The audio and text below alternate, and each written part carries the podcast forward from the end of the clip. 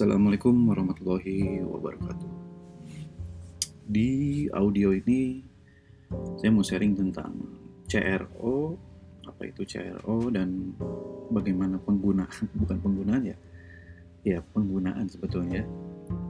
Apa itu CRO dan penggunaannya bagaimana dan pentingnya CRO pada saat masa sekarang ini kayak ya yang sekarang lagi kita hadapi sama-sama dengan adanya virus COVID-19 saya rasa hampir semua orang mungkin merasakan dampaknya gitu ya. Begitu saya juga untuk mencari uh, customer-customer baru. Oke okay. uh, pertama CRO CRO adalah panjangan Customer Relations Relationship Officer kalau nggak salah. Nah, Customer Relation Officer yaitu adalah satu orang atau satu staff uh, satu karyawan yang kita tugaskan jadi CRO jadi CRO ini adalah dia bertugas untuk uh, pertama untuk menyampaikan informasi terus menerima komplain follow up ke customer juga untuk uh, menilai kinerja CS gitu. Jadi uh, kurang lebih mirip-mirip sama PR ya. Public relation kalau di perusahaan besar. Kalau saya lebih ke menerapkan di CRO-nya gitu kan. Customer relation officer. Nah uh, pertama tugas CRO ini adalah untuk yang paling sama saya kepake itu adalah untuk menerima komplain jadi kalau waktu awal-awal saya lebih prefer atau lebih suka komplain itu ditangani oleh CS yang bersangkutan. Dalam artian misalkan kita punya CS nih, misalkan uh, Susi Budi Dini, misalkan namanya itu gitu ya. Oke, pada saat si Susi menangani satu customer, lalu mungkin setelah barang nyampe, maka customer akan komplain. Saya dulu lebih prefer ya udah Susi yang handle gitu kan karena dia yang lebih paham uh, historinya dari mulai history chat, behavior customernya, lalu kelakuannya apa yang dia beli dan sebagainya. Nah, uh, setelah saya banyak belajar waktu di kuliah, uh, saya mencoba untuk menerapkan si CRO ini gitu, Customer Relation Officer yaitu pertama untuk menangani komplain. Jadi pada saat ada customer komplain, tadi misalkan bayarnya Susi komplain kok barangnya uh, tidak sesuai, warnanya tidak sesuai, terus barang pecah belah misalkan gitu ya sampai sampai customer barang pecah, barang patah, barang sobek, rusak misalkan gitu. Kalau yang masih bisa ditanganin customer misalkan kayak warna tidak sesuai itu masih bisa dijelaskan. Nah, kalau misalkan sudah sampai komplain yang berat kayak barang pecah lalu apa ya barang rusak lah intinya gitu ya. Kebanyakan sih kalau di saya komplainnya barang rusak gitu. Nah itu akan kita alihkan ke CRO gitu. Karena apa? Ternyata kalau ditangani oleh CS itu sendiri memang buat saya lebih baik gitu ya karena sudah ada kedekatan personal. Tapi uh, saya setelah saya nilai-nilai lagi itu dapat mengganggu kinerja dari si CS tersebut gitu. Makanya saya break saya pisahkan uh, beberapa orang untuk menangani komplain. Saya uh, biasanya komplain ini kalau CS-nya banyak customer kita udah banyak maksimal tiga cukup gitu. Tiga. Atau kalau misalkan masih kecil ya satu lah masih boleh lah. Atau misalkan jika teman-teman baru punya CS1 atau dua lalu kita masih punya apa ya kita sendiri gitu ya sebagai owner masih punya spare waktu ya kita sebagai CRO-nya pun masih bisa gitu. Nah, pada saat ada customer complain, maka CS akan mengalihkan ke CRO. Jadi uh, eh, CS akan bilang, oke kak, komplainnya kami terima, lalu kakak uh, nanti akan saya alihkan dan dihandle oleh tim CRO kami, misalkan gitu. Larilah ke CRO gitu kan terima komplain dan sebagainya. Karena kalau komplain barang pecah seperti sebetulnya uh, term and condition pada saat pembelian itu harusnya udah jelas gitu kan. Uh, barang rusak pada saat pengiriman itu sudah bukan tanggung jawab kita gitu kan. Nah agak melenceng sedikit saya mau uh, sharing tentang kejelasan transaksi. Kejelasan transaksi dalam artian begini. Untuk menghindari hal-hal komplain yang nggak jelas atau mungkin ada konsumen nakal misalkan yang uh, apa namanya barang nyampe lalu ternyata rusaknya itu karena salah penggunaan customer gitu kan bukan salah dari kitanya atau salah dari apa pengiriman gitu kan nah jadi uh, pertama ada kejelasan transaksi. Ya, dibikin term and conditionnya kalau kayak di Tokopedia itu kan ada di catatan apa ya notes atau catatan ya kalau nggak salah ya. Kalau di Bukalapak ada catatan pelapak gitu kan kalau di Shopee saya nggak tahu namanya. Yang penting kita harus bikin yang kayak gitu. Sejelas-jelasnya dan sedetail-detailnya. Untuk barang-barang yang sensitif ya semacam barang-barang elektronik lah barang-barang pecah belah dan sebagainya. Itu sebisa mungkin uh, terdokumentasikan pada saat uh, sebelum pengiriman gitu kan. Ini barang punya siapa? Uh, saya biasanya foto lengkap dengan amplop pengirimannya. Foto oke okay, kita sudah dokumentasikan baru kirim. Jadi pada saat konsumen eh konsumen alah konsumer yang customer konsumen jadi nyatu. Jadi pada saat customer kita komplain lalu kita bisa menyanggah gitu kan bahwa produk yang kita kirimkan kondisinya itu sudah oke, okay, sudah baik-baik saja dan sudah melewati tahap QC gitu kan. Dan ternyata uh, barang apa namanya rusak pada saat pengiriman gitu kan.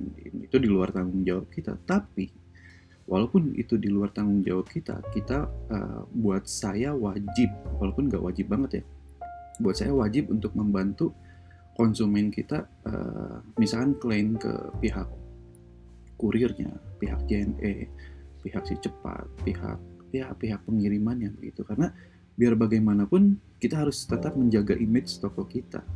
Pada saat kita menghandle kita menghandle komplain dengan baik, dengan cara-cara yang elegan gitu dengan baik, kita terima komplainnya, lalu kita kasih solusinya, kita kerjakan bersama. Itu uh, brand image toko kita itu akan bagus di mata konsumen gitu kan, kecuali konsumen yang nakal gitu ya. Kecuali konsumen yang nakal. Tapi kalau konsumernya eh konsumen konsumen yang pure gitu kan karena emang rusak beneran rusak itu mereka akan sangat menghargai dan di situ mereka akan respect sama toko kita dan ya kita berharap mereka akan ada repeat buying gitu kan nah Cero akan menghandle semua apa namanya uh, komplain jadi satu komplain itu hanya dipegang satu CRO. Kalau misalkan ada tiga CRO gitu kan, jangan dialih-alihkan ke yang lain. Karena itu tidak akan membuat ketidaknyamanan uh, di pihak konsumen. Gitu. Jadi pegang sama satu CRO, lalu CRO inilah yang akan uh, berkoordinasi dengan konsumen, dengan pihak pengiriman dan sebagainya gitu. Kalau misalkan kita pakai uh, apa namanya marketplace, ya dia akan berkoordinasi dengan marketplace juga gitu. Itu pentingnya untuk menjaga brand image kita. Yang kedua adalah fungsi CRO yang saya gunakan adalah untuk follow up. Jadi kalau misalkan uh, follow up dalam artian bukan follow up penjualan pada saat pertama ya. Kalau penjualan uh, pertama itu tetap dipegang sama CS. Misalkan uh, konsumen satu masuk, dia tanya-tanya masih belum closing, masih belum closing itu tugas CS. Follow up yang berikutnya adalah untuk uh, upsell, cross sell dan sebagainya itu bisa dilakukan oleh CRO gitu. Nah, ini juga jadi sebagai apa namanya? Uh, pendapatan sampingan buat CRO karena ada bonus dari situ kan.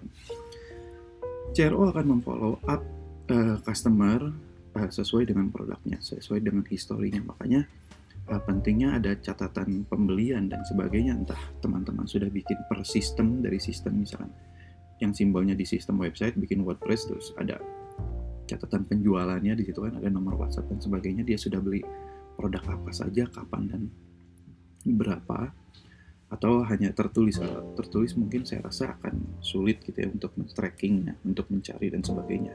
Saya saran saya sih bikin sistem sederhana saja di website gitu. Sistem sederhananya ya nanti akan ada CS uh, kayak semacam input di websitenya gitu. Oke? Okay? terutama untuk teman-teman yang mempunyai produk apa ya produk yang kontinu gitu kayak semacam kosmetik obat lalu uh, ya yang bisa digunakan apa ya yang perlu dipakai terus menerus gitu kan. Untuk pakaian dan yang lain juga bisa cuman beda treatmentnya. Kalau misalkan uh, kayak kita ambil contoh kosmetik. Dia uh, sudah membeli katakanlah krim siang dan krim malam gitu kan. Dan kita sudah tahu produk itu uh, pemakaian secara normal uh, bertahan misalkan satu bulan. Oke. Okay? satu bulan. Dalam waktu 15 hari setelah produk sampai itu kan ada status JNE nya kan produk sampai kapan berarti estimasi kalau saya mulai dari situ. 15 hari setelah produk itu sampai maka kita akan follow up. Sebagai CRO kan follow up bukan follow up penjualan dulu tapi follow up produknya. Halo assalamualaikum kak. Nah, saya dari toko ABC uh, mau menanyakan bagaimana tentang produk kitanya. Apakah sudah dipakai belum kak? Oh ya sudah, waktu begitu barang sampai kita udah pakai.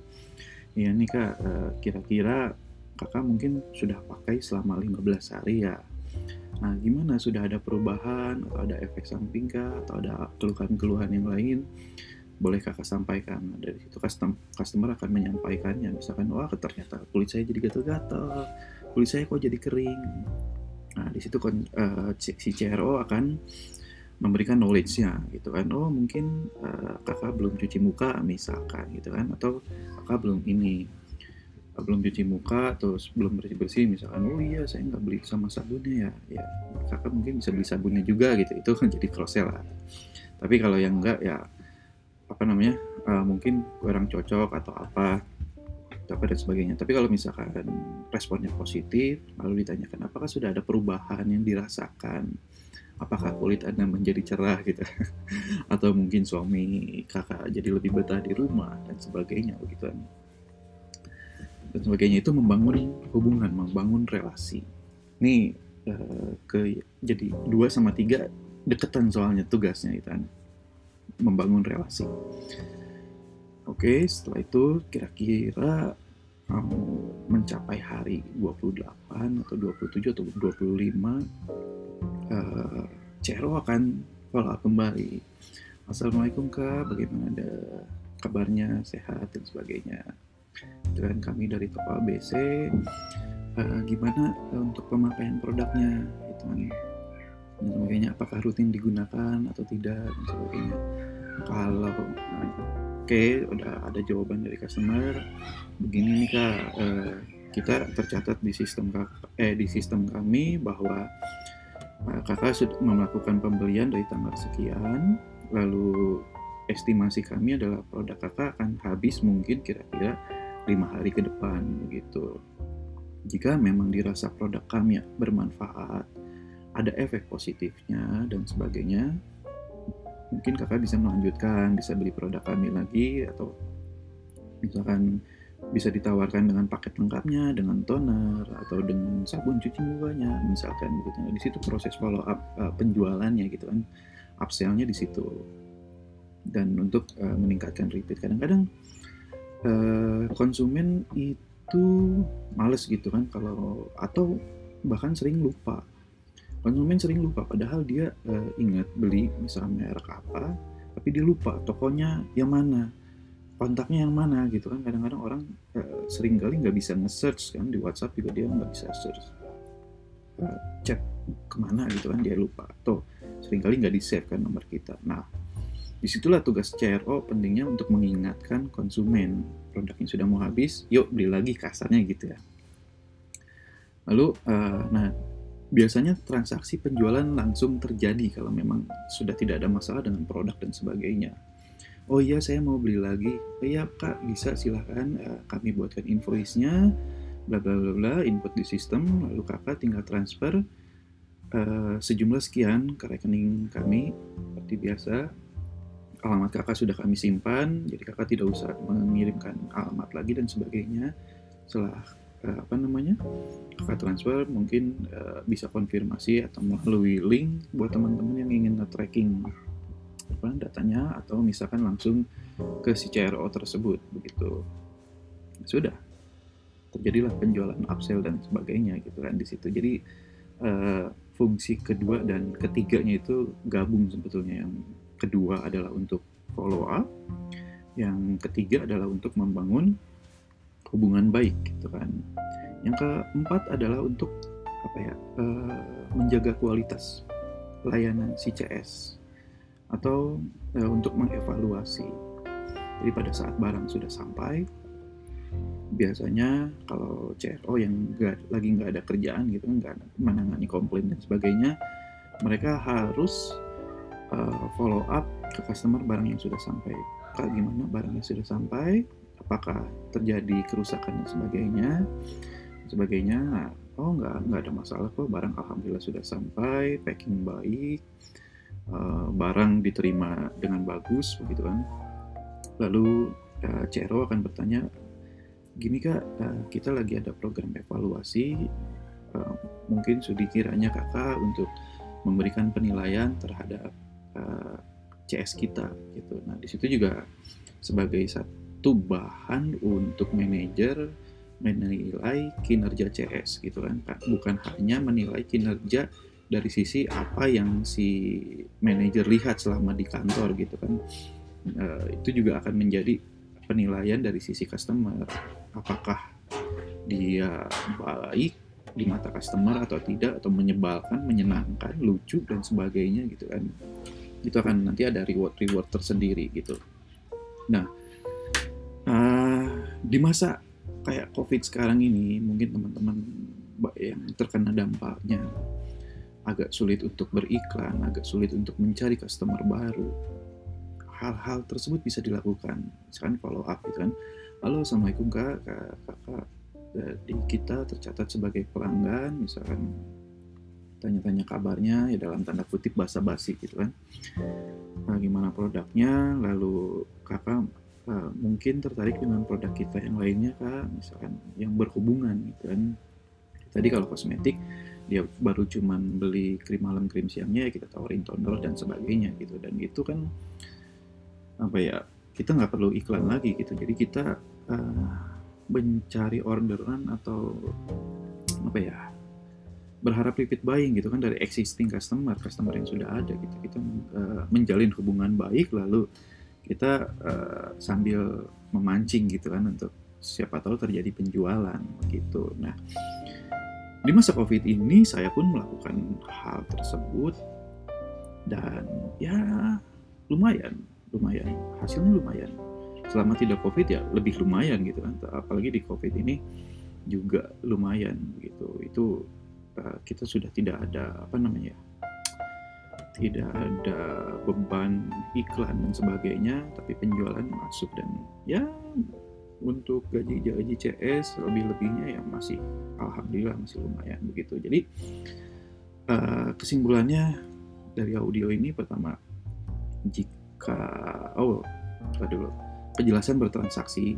Jadi harus ada kejelasan term and conditionnya pengembalian barang apabila barang rusak seperti apa dan bagaimana lalu dokumentasikan barang jika yang dirasa rentan untuk rusak dalam perjalanan pengiriman gitu kan. Terus terdokumentasikan. Dan ketiga eh, kalau misalkan apa ya memungkinkan untuk Eh, membuat divisi CRO ini saya sarankan buatlah gitu kan bangunlah tim CRO agar brand image kita juga meningkat gitu kan. Naik uh, upsellnya lebih enak apa namanya ada penjualan lagi dan di masa kayak sekarang ini ya si CRO inilah yang kadang-kadang jadi ujung tombak penjualan begitu. Karena begitu sulitnya untuk mencari kostum uh, kostumer lagi.